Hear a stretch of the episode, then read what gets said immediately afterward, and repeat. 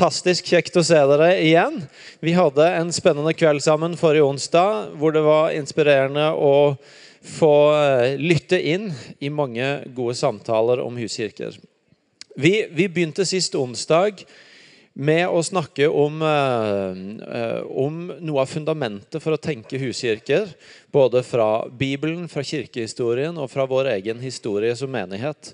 Og vi forsøkte å kommunisere noe om at huskirke er noe mer enn eh, ei gruppe, men, men, vi faktisk tenker at det er ei kirke, det er en menighet som du kan ha i ditt hjem, og som kan eh, ta Guds rike ut til andre steder i denne byen og regionen.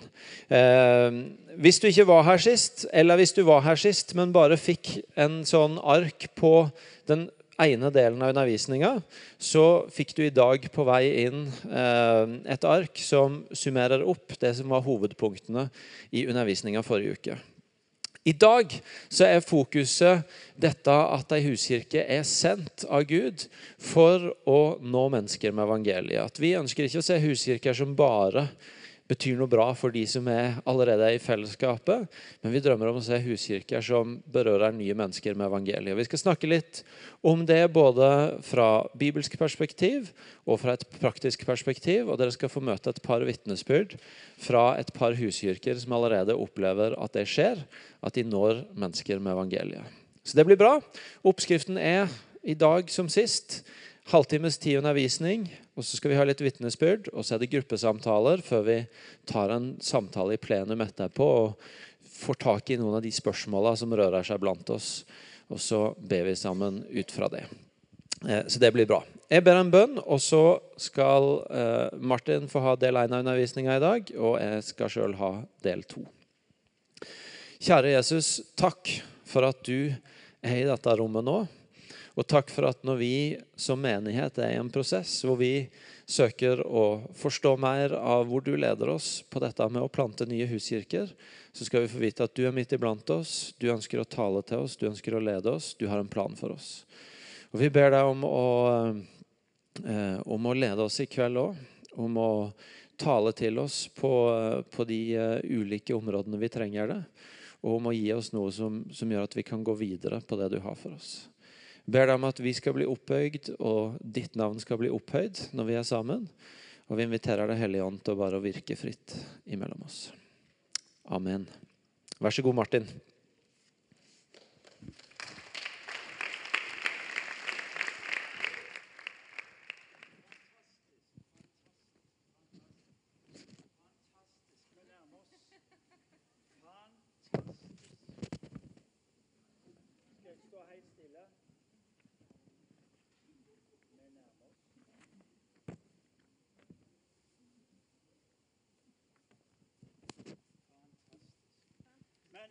Prøver uten strøm, og så Den er jo bare i veien. Men, og du skal bytte om, ja. Ja, men det går bra. Du, vet du hva? Eh, ja, se på han. Jeg syns du skal klappe for han, altså. Og, mens, mens han fikser meg opp, stæsjer meg opp.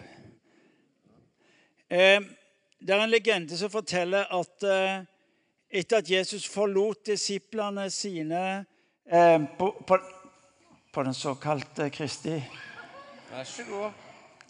Jeg syns du skal gi ham en skikkelig klapp. Mannen med overnaturlige evner. Jesus forlater disiplene Kristi himmelfartsdag, leser vi. Kommer hjem til himmelen.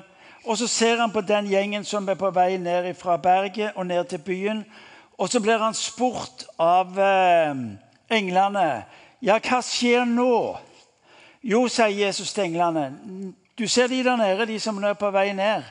De skal nå, eh, nå resten av verden med evangeliet. De skal fortelle eh, verden om hva jeg har gjort, og hva det betyr. Og det skal bety frelse for denne verden. Og disse Englene så jo på gjengen som gikk nedover, og de tenkte sitt. Og så sier de ja, men hvis ikke de får det til, hva, hva løsning har du da? Hva alternativ har du da? Og så sier Jesus til englene jeg har ikke noe alternativ. Jeg har kun det alternativet. Og Det er det vi egentlig skal se litt på i kveld. Når, når Jesus handler inn i denne verden etter at han har forlatt sin menighet, så sier han Gå derfor ut og gjør alle, folkeslag til mine disipler. Det er altså denne bevegelsen utover som du og vi skal se på i dag. Men det er viktig for deg og meg å få tak i. For vi glemmer det så lett at når Bibelen taler til deg og meg om å bevege oss ut, så starter det med Gud. Gud skapte i sin tid en god verden. Menneskene valgte å snu Gud ryggen. Alternativet enten å gå med Gud og bli det han hadde skapt oss for å være, eller kjøre sitt eget løp og vende Gud ryggen. Mennesket vendte Gud ryggen. Men vi leser i Bibelen at Gud vendte ikke menneskeryggen. Men konsekvensen av at mennesket vender Gud ryggen, det er den verden du ser i dag. En verden som styres, preges av vold, hat, grådighet, misbruk og avgudsdyrkelse. Forvirring og mer til av samme slag, sier Bibelen. Men skulle Gud kunne handle inn i denne verden, så var Gud nødt til å få tak i dette. Han var nødt til å involvere seg i menneskets historie. Og så er altså Bibelen et vitnesbyrd som primært forteller om en Gud som involverer seg i menneskets historie. Det er en sterk historie. Det er ikke en Gud som sitter et eller annet sted langt vekke og gir oss en bruksanvisning på det vellykka livet. Men vi leser om en Gud som involverer seg i menneskets historie. Det er kirkas budskap, folkens. Det er det det kokes ned til. I 2. Mosebok kapittel, 3, eh, eh, kapittel 4 så leser vi om en Gud som sier jeg har hørt ropet. Jeg har hørt skriket. Jeg har sett smerten. Jeg stiger ned for å være midt iblant mitt folk. Ved at Gud ble menneske Jesus Kristus, ved hans liv, ved hans død og ved hans oppstandelse, redder Gud verden fra ondskapens makt. Dette er en kort oppsummering av Missio Dei, som betyr Guds sendelse. Det er dette som er det sentrale bibelske temaet, som beskriver hensikten med Guds handlinger i historien. Så når du og meg hører om å gå ut, så er det altfor lite til å stoppe med det. For hvis du ikke får tak i at grunnen til at Gud sender, ber deg om å gå ut, det er at han sjøl er i bevegelse ut. Og han har vært det hele veien.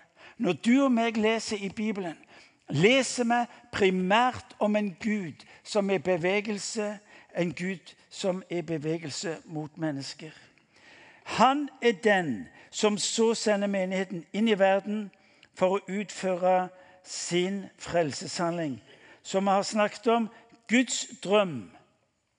Guds drøm er å se mennesker og menigheter reist opp på alle steder hvor mennesker møtes og samles. Johannes evangeliet gir oss eh, 40 ganger sier Jesus at han er utsendt av Gud. 40 ganger. Lukas kapittel, evangeliet kapittel 4 vers 18 sier oss noe om hva han er sendt for. For å forkynne godt budskap, for å sette fanger og undertrykte fri, gi de blinde syn igjen, rope ut et nådens år for Herren. Du og meg som er her i kveld, når vi leser ordene fra Lukas evangeliet, tenker at dette var, Jesu, dette var ord på Jesu liv, så skal du og vi få lov til å se det er de samme ordene som hviler på ditt og mitt liv. Og jeg vet at er det noe dere ønsker, lengter etter å se, så er det jo nettopp dette som jeg leste, nemlig Forkynne godt budskap inn i denne verden. Vær med på å sette fanger og undertrykte fri. Gi de blinde syn igjen. Rope ut et nådens år. Så sier Jesus til oss, som, som du, Gud, har sendt meg til verden, har jeg sendt disse til verden. Menigheten er altså kalt ut. Menigheten er ikke primært en endestasjon. Menigheten er en sendestasjon. Eh, ordet menighet er oversatt fra det greske ordet eklesia. Eklesia består av to ord. Det ene ordet er ek, som betyr ut av, og det andre er kaleo, som betyr kalt. Altså, menigheten er kalt ut, kalt ut til å være Guds ansikt i denne verden. Og det er denne identiteten av å være kalt ut som eh, Gud ønsker skal fylle sin menighet. Istedenfor å fylle sitt liv, så ber vi altså kalt til å være med på den utkallelsen som Jesus la på den første kristne menighet. Du og meg er kalt til å bety en forskjell. Vi går altså inn i og blir en del av den samme bevegelsen fra Gud mot vår verden. Det er nesten som det er umulig å være en del av en menighet og bli værende på ett sted. Fordi han vi tilber, han vi tror på, han er underveis. Når, eh, når Bibelen snakker, eh, når Paulus skriver til menighetene i Lille-Asia, så skriver han til menigheter som var i bevegelse. Menigheter som var en del av å være kalt, kalt ut, være utsendt. Og det er det du og meg òg kalles til. Vi går inn i den samme bevegelsen fra Gud mot vår verden. Den handler ikke om hva du og meg får til, men om hans kjærlighet til verden. Å elske mennesker tilbake til Gud. Derfor blir det så konkret som er denne høstens tema. Å elske mennesker tilbake til Gud. Dere husker Bob Johnson i fjor høst. Jeg syns han var fascinerende. Eh, på alle måter et litt sånn uregelmessig verb. Men han sa noe som er vanvittig viktig. Det har blitt en stress og en mare for veldig mange fordi vi er kalt til å vinne mennesker for Kristus. Jeg har vi ofte hørt. Bob sa vi ikke kalt til å vinne mennesker. sa han. Vi er kalt å elske mennesker tilbake til Jesus. Og Det er derfor vi har menighet. Det er for at mennesker skal erfare at Gud er ikke mot dem, Gud er for dem. Men skal vi lykkes med det, så må vi få lov til å se oss sjøl som en del av grunnleggende det som Gud holder på mellom oss. Høsten er moden. Hva ser du? I Johannes evangeliet kapittel 4, vers 35 sier Jesus til disiplene sine Dere sier ennå er det fire måneder til høst. Men jeg sier dere, løft blikket og se på markene. De står alt hvite mot høst. Høst, det som, sådd, det som er sådd, har modnast og er klart til å bli eh, høsta inn. Hva er det du og meg vil? Du og meg ønsker å se en høst som er klar. Ja, hva er situasjonen i Stavanger? Hva er situasjonen i landet vårt? Hva er det vi ser? Disiplene så langt fram. Når Jesus så snakket med disiplene, så sa han rett foran dere.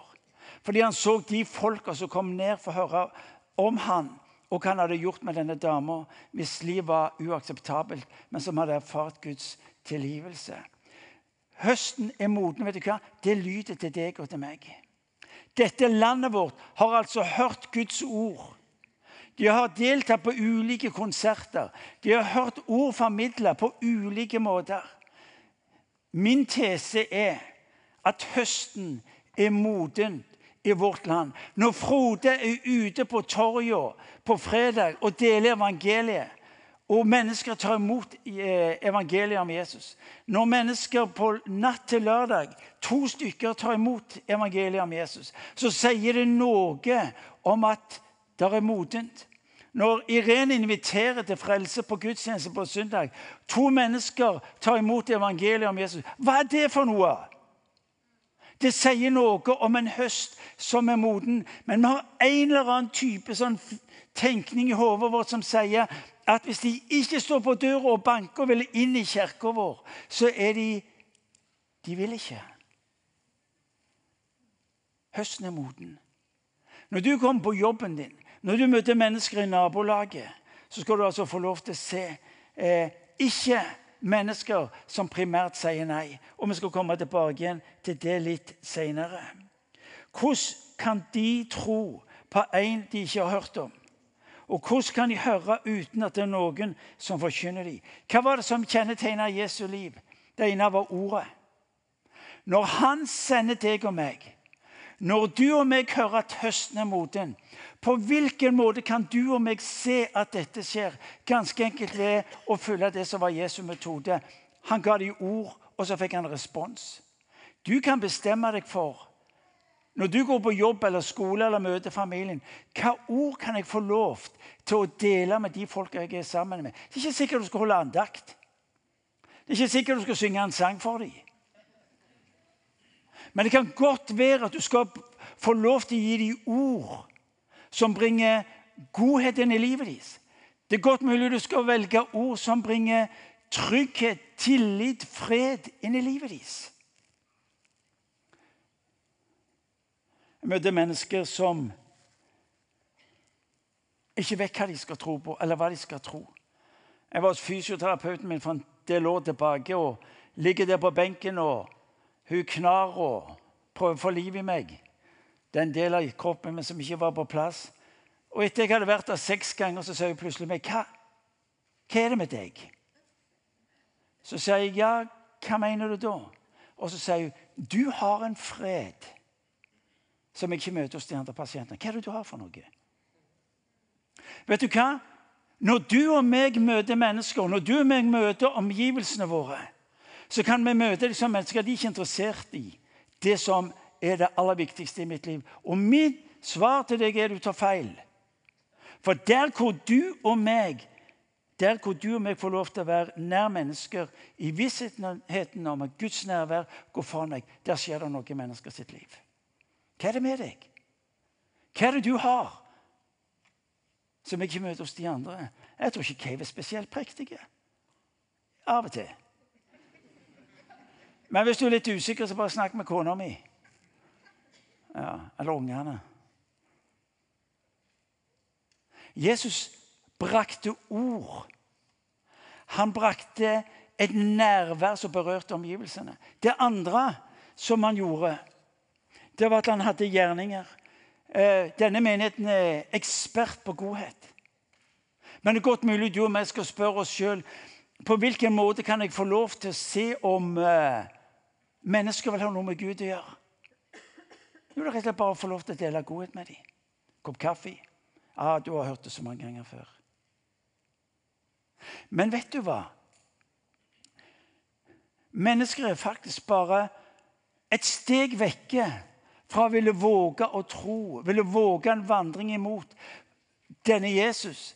Ikke fordi de blir overbevist om alt det som vi tror de bør bli overbevist om i første omgang, men det er rett og slett at de har en erfaring av godhet som berører livet deres. Og det tredje han berører dem med, det var under. Det var mirakelet. Og så skal altså du og meg få lov til å bringe ut de gode nyhetene eh, til mennesker. Det samme som preger hans liv, skal altså få lov til å dele, skal få lov til å prege ditt og mitt liv når vi våger.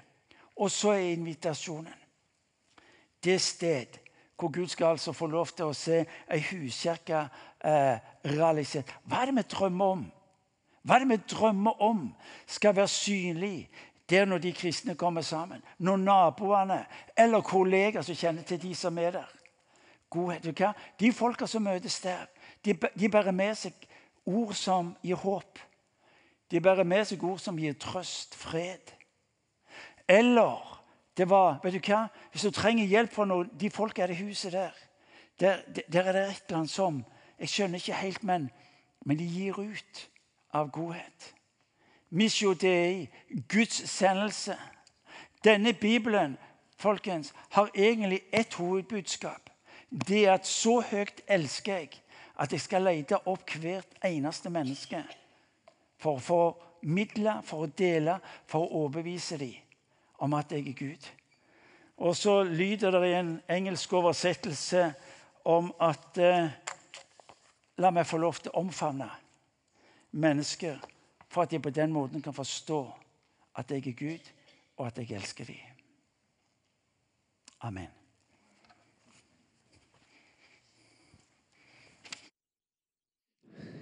Nydelig, Martin.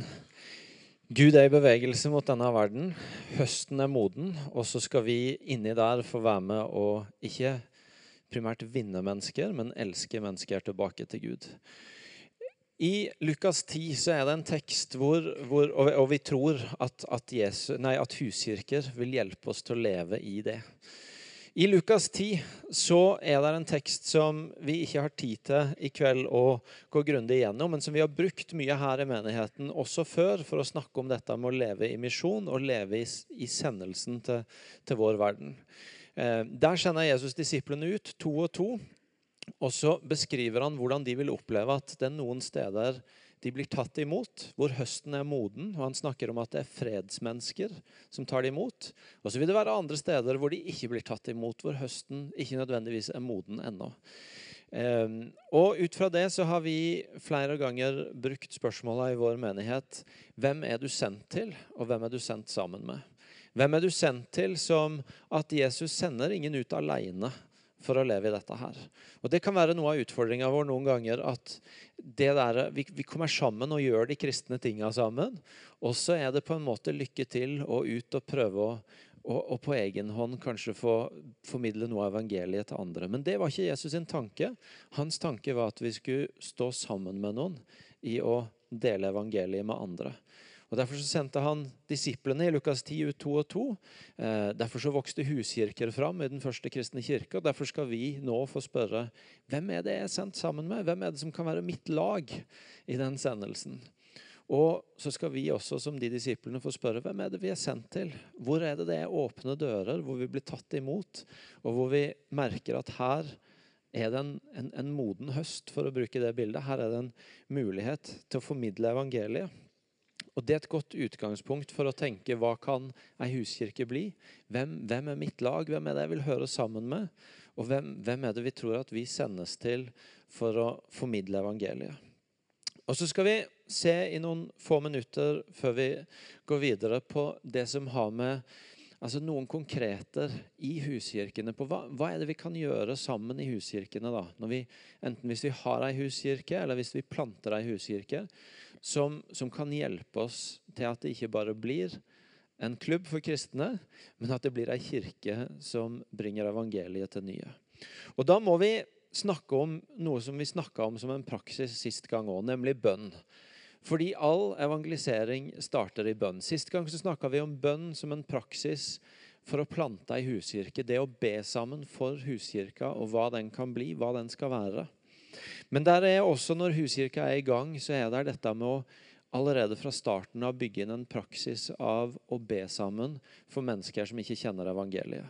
Eh, I dag på vei inn så fikk dere alle et bønnekort, som vi også har mange flere av. som alle i huskirka deres kan få, eller den huskirka dere skal starte, og som skal følge oss i den serien vi forkynner denne høsten, om å finne veien tilbake til Gud. Det er ikke tilfeldig at vi snakker om huskirker her, og vi forkynner om å finne veien tilbake til Gud på gudstjenestene. Fordi vi tror at det er noe av det som huskirka skal få være med på å bety. Nemlig at mennesket får finne veien tilbake til Gud i de fellesskapene. Og da er dette bønnekortet et av de beste redskapene vi kan gi hverandre. Fordi at eh, det å ta dette bokmerket, legge det i Bibelen vår, skrive ned noen av de navnene som, eh, som, som er høyt oppe i bevisstheten vår, at, at, vi har rundt oss, og som trenger å møte Jesus, det kan få være starten på, som det står eh, i, i, arket dere har fått, dette, dette må rydde vei for Jesus. Vi, vi, vet ikke alt om menneskene rundt oss, om hva som rører seg på innsida i dem, om hvorfor de kanskje har motstand på å nærme seg kirke, hvorfor de er, er, tilbakeholdne med tro. Hva som er spørsmåla som trenger å bli besvart. Hva som virkelig ville berøre dem på dypet. Men, men, Gud vet jo alt det om dem. Og når vi ber til Han, så er vi med på å rydde vei på innsida, på de tinga vi kanskje ikke vet om òg, som kan åpne veien for, for at, at, Jesus kan få ta plass i livet ditt sitt. Hvis du, hvis du trenger å bli mer inspirert på det, og, og få kanskje mer praktisk ting på det, så jeg har lyst til å oppfordre deg til å gå inn på nettsida vår og finne talen til Gina Gjerme 14.8, hvor hun snakka veldig konkret om bønnens plass i dette her. Og det å bruke et bønnekort, ei bønneliste, som et utgangspunkt for å nå ut. Og huskirkene må være et bønnefellesskap hvor, hvor vi aldri er sammen uten at vi ber for noen som ikke kjenner Jesus. Men hvor det er en av de kjernepraksisene våre. At, at når vi kommer sammen, så henter vi fram bønnekortene våre, og så ber vi sammen for noen som vi drømmer om å se rundt bordet, som, eh, som noen som bekjenner troa. Det andre som er med bønn, er, er nettopp dette her med å, eh, å å bruke bønn som et sted for å lytte. Bønn ikke sant? Det er ikke bare hva vi sier til Gud, men hva han sier til oss. Og så, har, så nevnte jeg dette med fredsmennesker, med at vi har rundt oss mennesker hvor noen er klar for å høre om Jesus. Noen er klar for å ta imot han, eller ta steg nærmere han. Andre er kanskje ikke der akkurat nå. Og Noe av det Den hellige ånd kan gjøre når vi ber, det er at vi kan få lytte oss inn på hvem er det vi har rundt oss som er sånne fredsmennesker, som, som er åpne. Som vi skal få legge mer av tida vår og energien vår inn i. At de vil vi gå sammen med. Og det kan, For de, for de av dere som, som uh, vi, vi, delte ut sist og skal gjøre i dag òg, for de av dere som leder eller ønsker å lede ei huskirke, så får dere med dere et par bøker som sier enda mer om å plante fellesskap. Inni den røde boka under et kapittel som heter 'Høsten er moden', så er det en helt sånn konkret øvelse på det med å sette seg sammen som fellesskap og, og, og lytte. La Den hellige ånd lede og lytte til. Be Den hellige ånd vise. Hvem, hvem er menneskene jeg har rundt meg, hvor det er mulighet for å se evangeliet delt. Så bønn, både som veierydning, bønnekortet, mennesker en har på hjertet, og bønn som et sted for å lytte sammen til hvor Ånden leder oss til å dele. Det er noe av det vi kan gjøre sammen som huskirke for å nå ut. Det andre handler om fellesskapet. og at dette som jeg sier at Evangelisering, det å nå mennesker med evangeliet, det var aldri meint å være et soloprosjekt. Det var meint å være noe vi gjorde i fellesskap.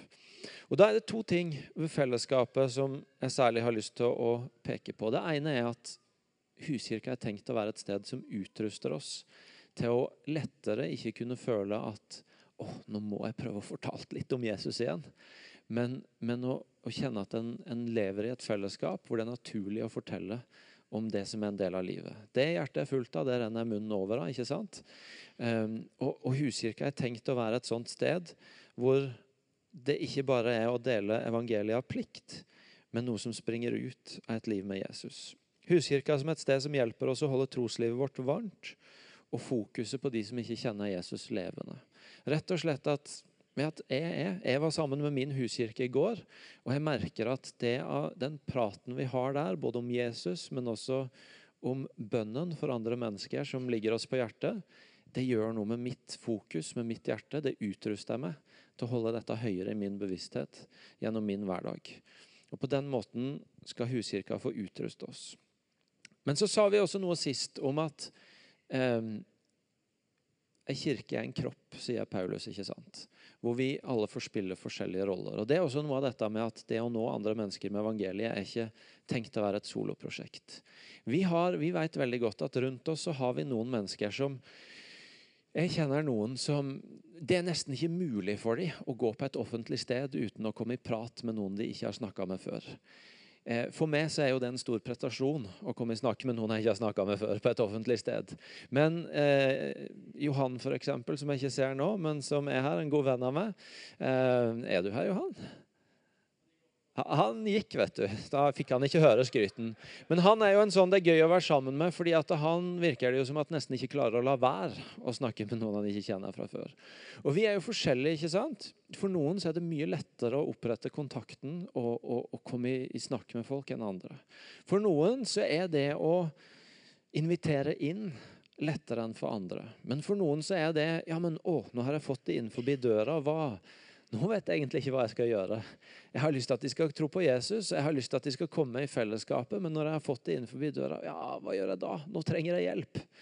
Og så er det faktisk noen andre som er veldig flinke på å ta mennesker imot, og på å, å starte den praten som trengs å gå da. Noen iblant oss er bare tjenere. For det er noen ganger, ikke sant, som Martin sa godheten er et av redskapene. Noen, noen, noen ganger så er det sånn at, at noen i huskirka har, har, noen på sin bønneliste som det de trenger, er egentlig bare at noen kommer og velsigner dem. Hvis jeg godhet, hjelper de. Og så kan, er det tungt å gjøre det alene. Men så kan du dra med ei hel huskirke og si ja, vi kommer og hjelper deg. Vi maler huset ditt, eller vi, vi hjelper deg med barnevakt, eller vi ordner det, det, det greiene der. Og så, og så er, blir huskirka et sted for at kroppen får fungere sammen i det å nå ut. At det ikke blir det at du skal beherske alle sider ved deg sjøl, eh, men at du får spille på dine styrker, på det Gud har lagt ned i deg, og samtidig oppleve at noen står sammen med deg. At fredsmenneskene som du har i ditt liv, ikke bare er, eh, ikke bare er for du, men det er noe du får dele med andre i fellesskapet ditt. Og så står en sammen om det. Jeg vet at Noen av de fredsmenneskene jeg har hatt i mitt liv, så har det vært en avgjørende forskjell når jeg har kunnet hente inn noen andre kristne venner, og så har vi kunnet, eh, kunnet bety noe sammen for dem. Eh, så, så, det å stå sammen om det. Og Til slutt der så har jeg da skrevet noe om bevegelsen inn, og, nei, ut og invitasjonen inn. Når huskirka fungerer som vi ønsker, så utruster den oss til å gå ut og dele med noen som Gud legger i vår vei. Men den er også et sted som vi kan invitere inn til som har en ledig plass rundt, rundt bordet. Um, og, hvor, og, hvor, vi vet at ja, her er et sted jeg kan ta med meg noen venner som er nysgjerrige, og som trenger å møte andre kristne venner og se hvordan vi gjør tro sammen. Det er en saying som ofte blir sagt 'belong, believe, behave' at uh, det er ikke alltid sånn lenger at folk først Før så var det gjerne sånn at først så måtte du begynne å oppføre deg som en kristen, og så kunne du begynne å bekjenne deg som en kristen, og da fikk du kanskje lov til å tilhøre fellesskapet. Det er ikke den veien mennesker har til Gud i dag. Veldig ofte så begynner det med relasjonen, med å få tilhøre noen, sånn at en kan våge en tro på han, som gjør at Jesus begynner å prege livet vårt. Og Huskirka kan få være et sånt sted hvor du begynner å tilhøre, få en plass rundt bordet, og så og så får du gradvis ta imot en tro som også begynner å forme livet. Så bønn, et fellesskap som utruster, et fellesskap som står sammen, og, og dette med å på den ene sida få hjelp til å gå ut, og på den andre sida ha et fellesskap å invitere inn i. Det er noen av praksisene. Før vi går til samtale på dette og prosesser litt hvordan ser dette ut for oss, hva, hva var lett å lett å forstå av dette, og hva trenger vi å tygge litt mer på, hvilke spørsmål sitter vi med, så har vi lyst til å få fram et par konkrete historier. Og Da må jeg be eh, både eh, enten om det er Bjørn og Marit, eller ja, begge to, dere to, kommer fram. Og Irene, så skal du få intervjue de. Kan dere gi dem en applaus?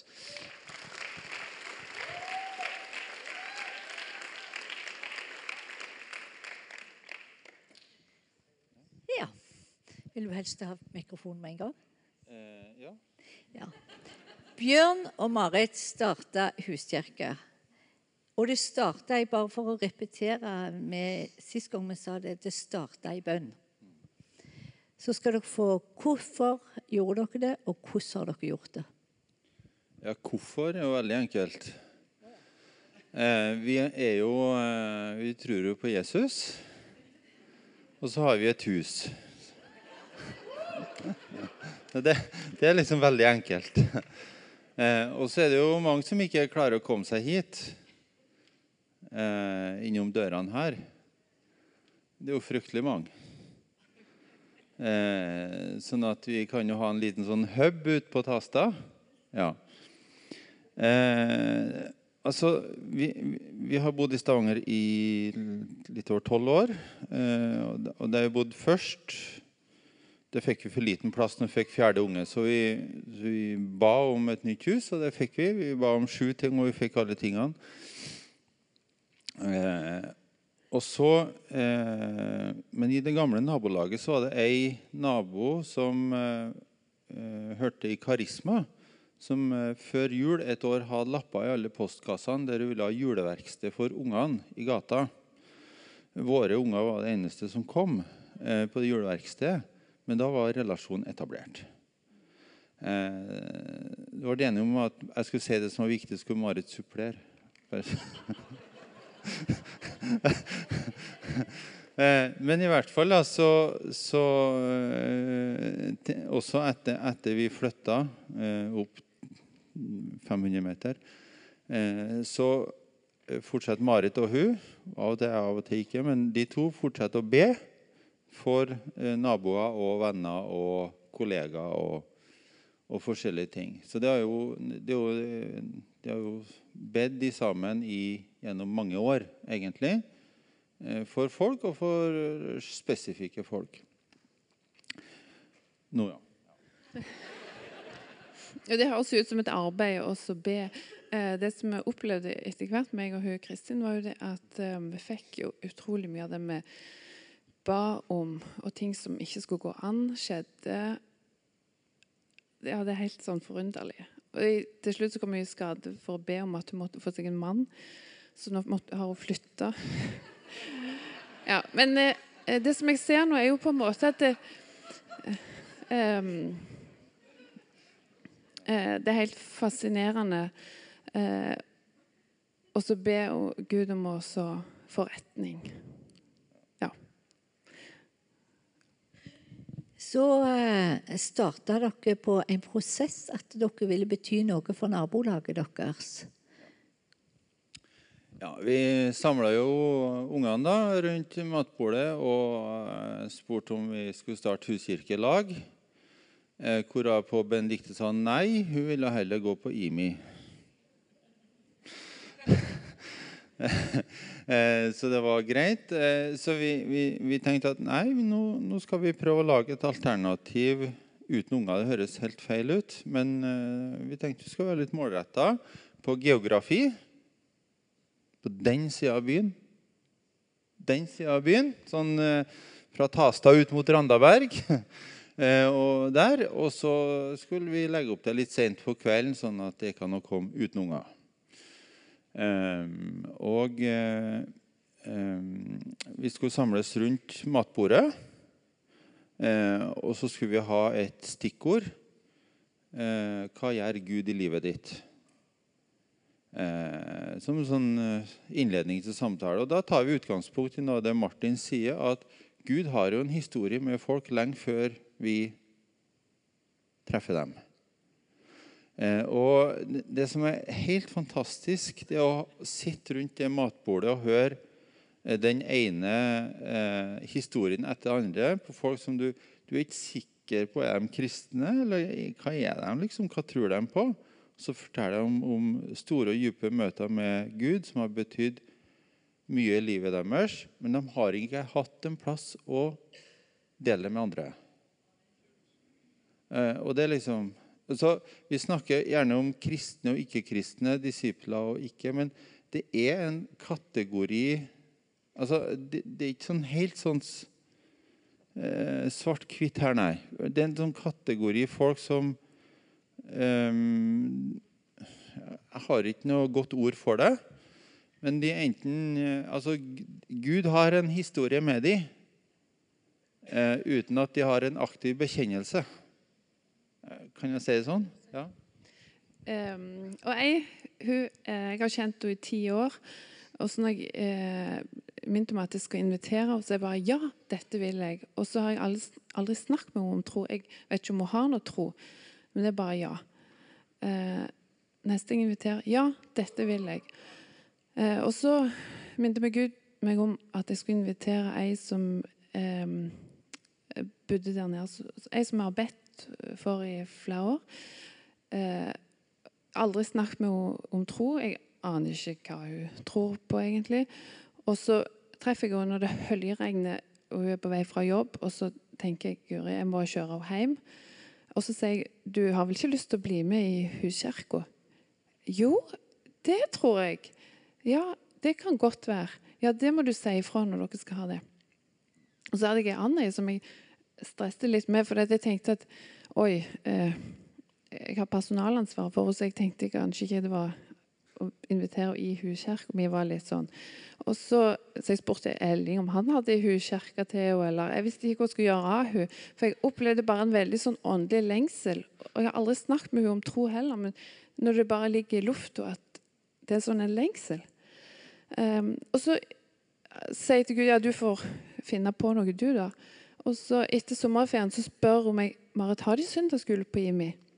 Ja, selvfølgelig har de det. Ja, kanskje, ja, jeg må få, ja, det vil jeg prøve. Og så var hun her for noen uker siden, og så var kommentaren hvorfor har jeg ikke gjort dette før. «Ja, Kan jeg si en ting først? Ja. Eh, Altså, eh, dere er jo profetisk, ikke sant? Dere lytter til Gud og hører hva han sier. Ja?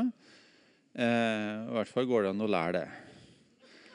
Eh, og spør Gud om konkrete navn og, og eh, plasser, tider. Altså, han går foran. Altså, det, dette er ikke vanskelig. Ja. Og så har jeg én nabo til som jeg treffer av og til. Eh, og Jeg har snakka med henne. 'Har du lyst til å begynne huskirka vår?' Ja, det har jeg lyst til. Og det er mange måneder siden hun sa hun hadde lyst til. Og jeg har sendt på tekstmeldinga 'Nå skal vi ha samling. Kommer du?' Ikke noe svar. Til slutt så spør jeg skal jeg fortsette å sende deg meldinger, eller vil ikke du ha? Jo, jeg vil gjerne ha melding.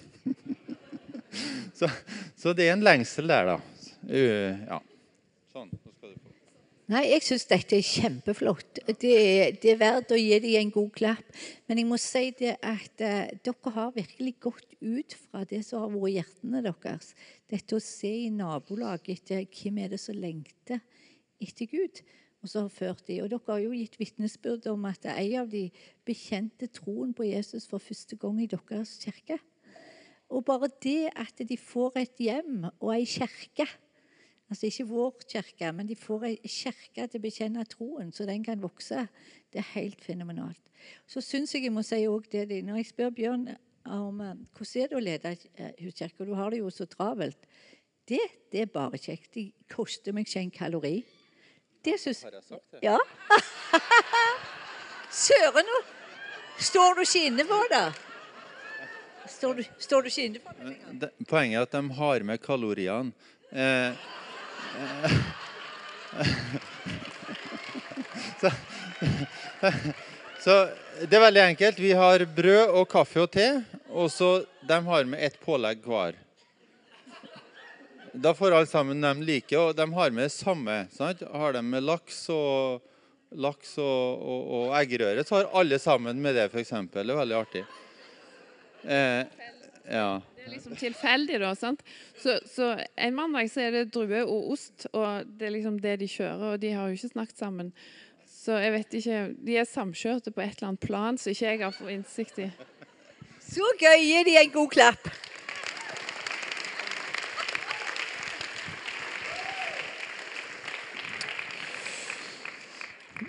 Mens Håkon kommer fram, eh, så har jeg bare lyst til å si Fordi at jeg vet at Ja, dere skal få klappe for Håkon, men bare vent litt. Bare vent litt.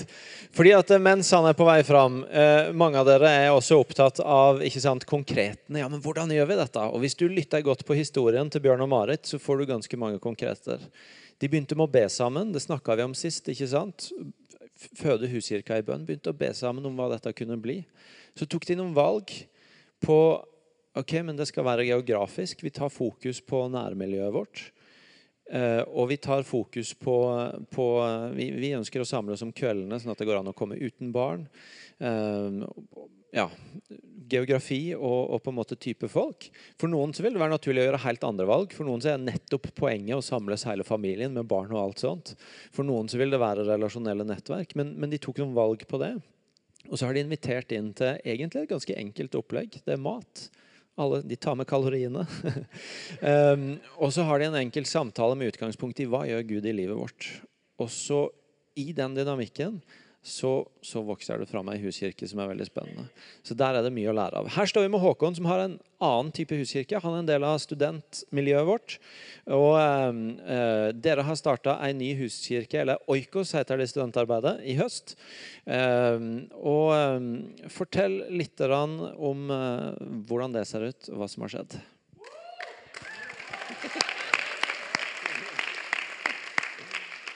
Herlig. Eh, For det første så er det jo gysla kjekt. Eh, For det, det er så enkelt, for det er så naturlig. Eh, Det er liksom ikke noe du koker opp og satser på å gå bra. Fordi det ligger så naturlig for deg å ha kontakt med folk. Så det vi egentlig har funnet ut, er at vi tar én torsdag der vi har det vi kaller life. Som egentlig er bare da at da ønsker vi å samles som en familie for å skape en tilhørighet eh, i livet til folk. Så der er vi, vi er jo et lederteam på fire stykk. Eh, det er oss som er kristne, pluss to til. Og så har det kommet seks stykk som ikke er kristne.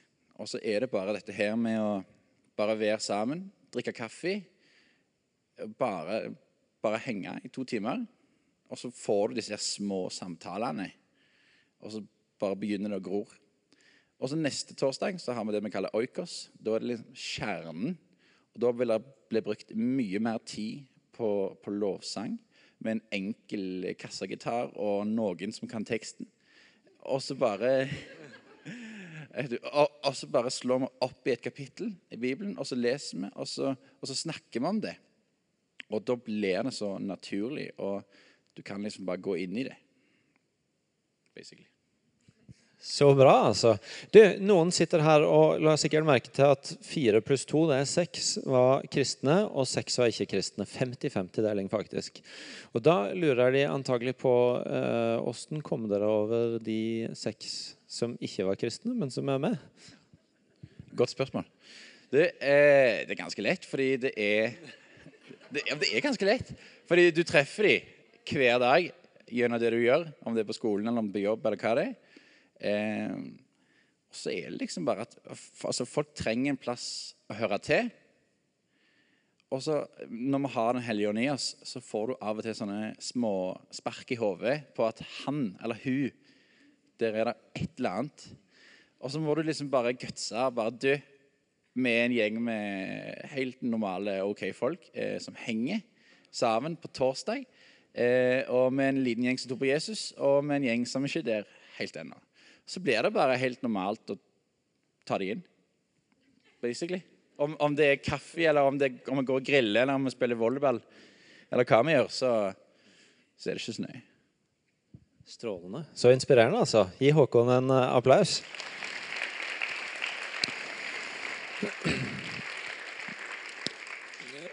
Da har vi 20 minutter til klokka er kvart på ni til å samtale i grupper før vi samles igjen og, og, eh, og, samler dette litt opp i plenum. Jeg minner om det vi sa sist, at for oss er ikke poenget å ha disse fem kveldene og gi å si at vi har hele fasiten på hva huskirka blir i IMI, men noe av poenget er nettopp prosessen. At vi snakker sammen og finner ut av hva er spørsmålene, hva er mulighetene, hva, hva, er det vi ser her. Og Det betyr at det er viktig for oss at dere setter ord på nå Ja, denne ideen fikk jeg, eller Hæ, dette skjønte jeg ikke. Hvordan skal vi gjøre dette? Sånn at vi kan, kan snakke om de spørsmålene sammen. Det vi gjør nå, er at dere som kommer her som ei huskirke, dere tar praten i huskirka. Dere som kommer her som ei cellegruppe, dere er sammen med deres cellegruppe. Dere som kommer her og ikke er med i noen av de delene, dere kan eh, møtes borte på den sida og ikke fordi at alle skal se på dere at ikke dere er med der.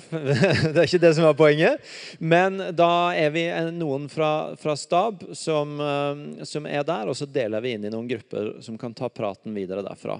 Og spørsmålet vi vil dere skal snakke om, er um, en, For det første, de to spørsmålene som som vi har brukt hele veien. Hvem er jeg sendt til, og hvem er sendt sammen med. Dele litt hvilke tanker vi umiddelbart har rundt det.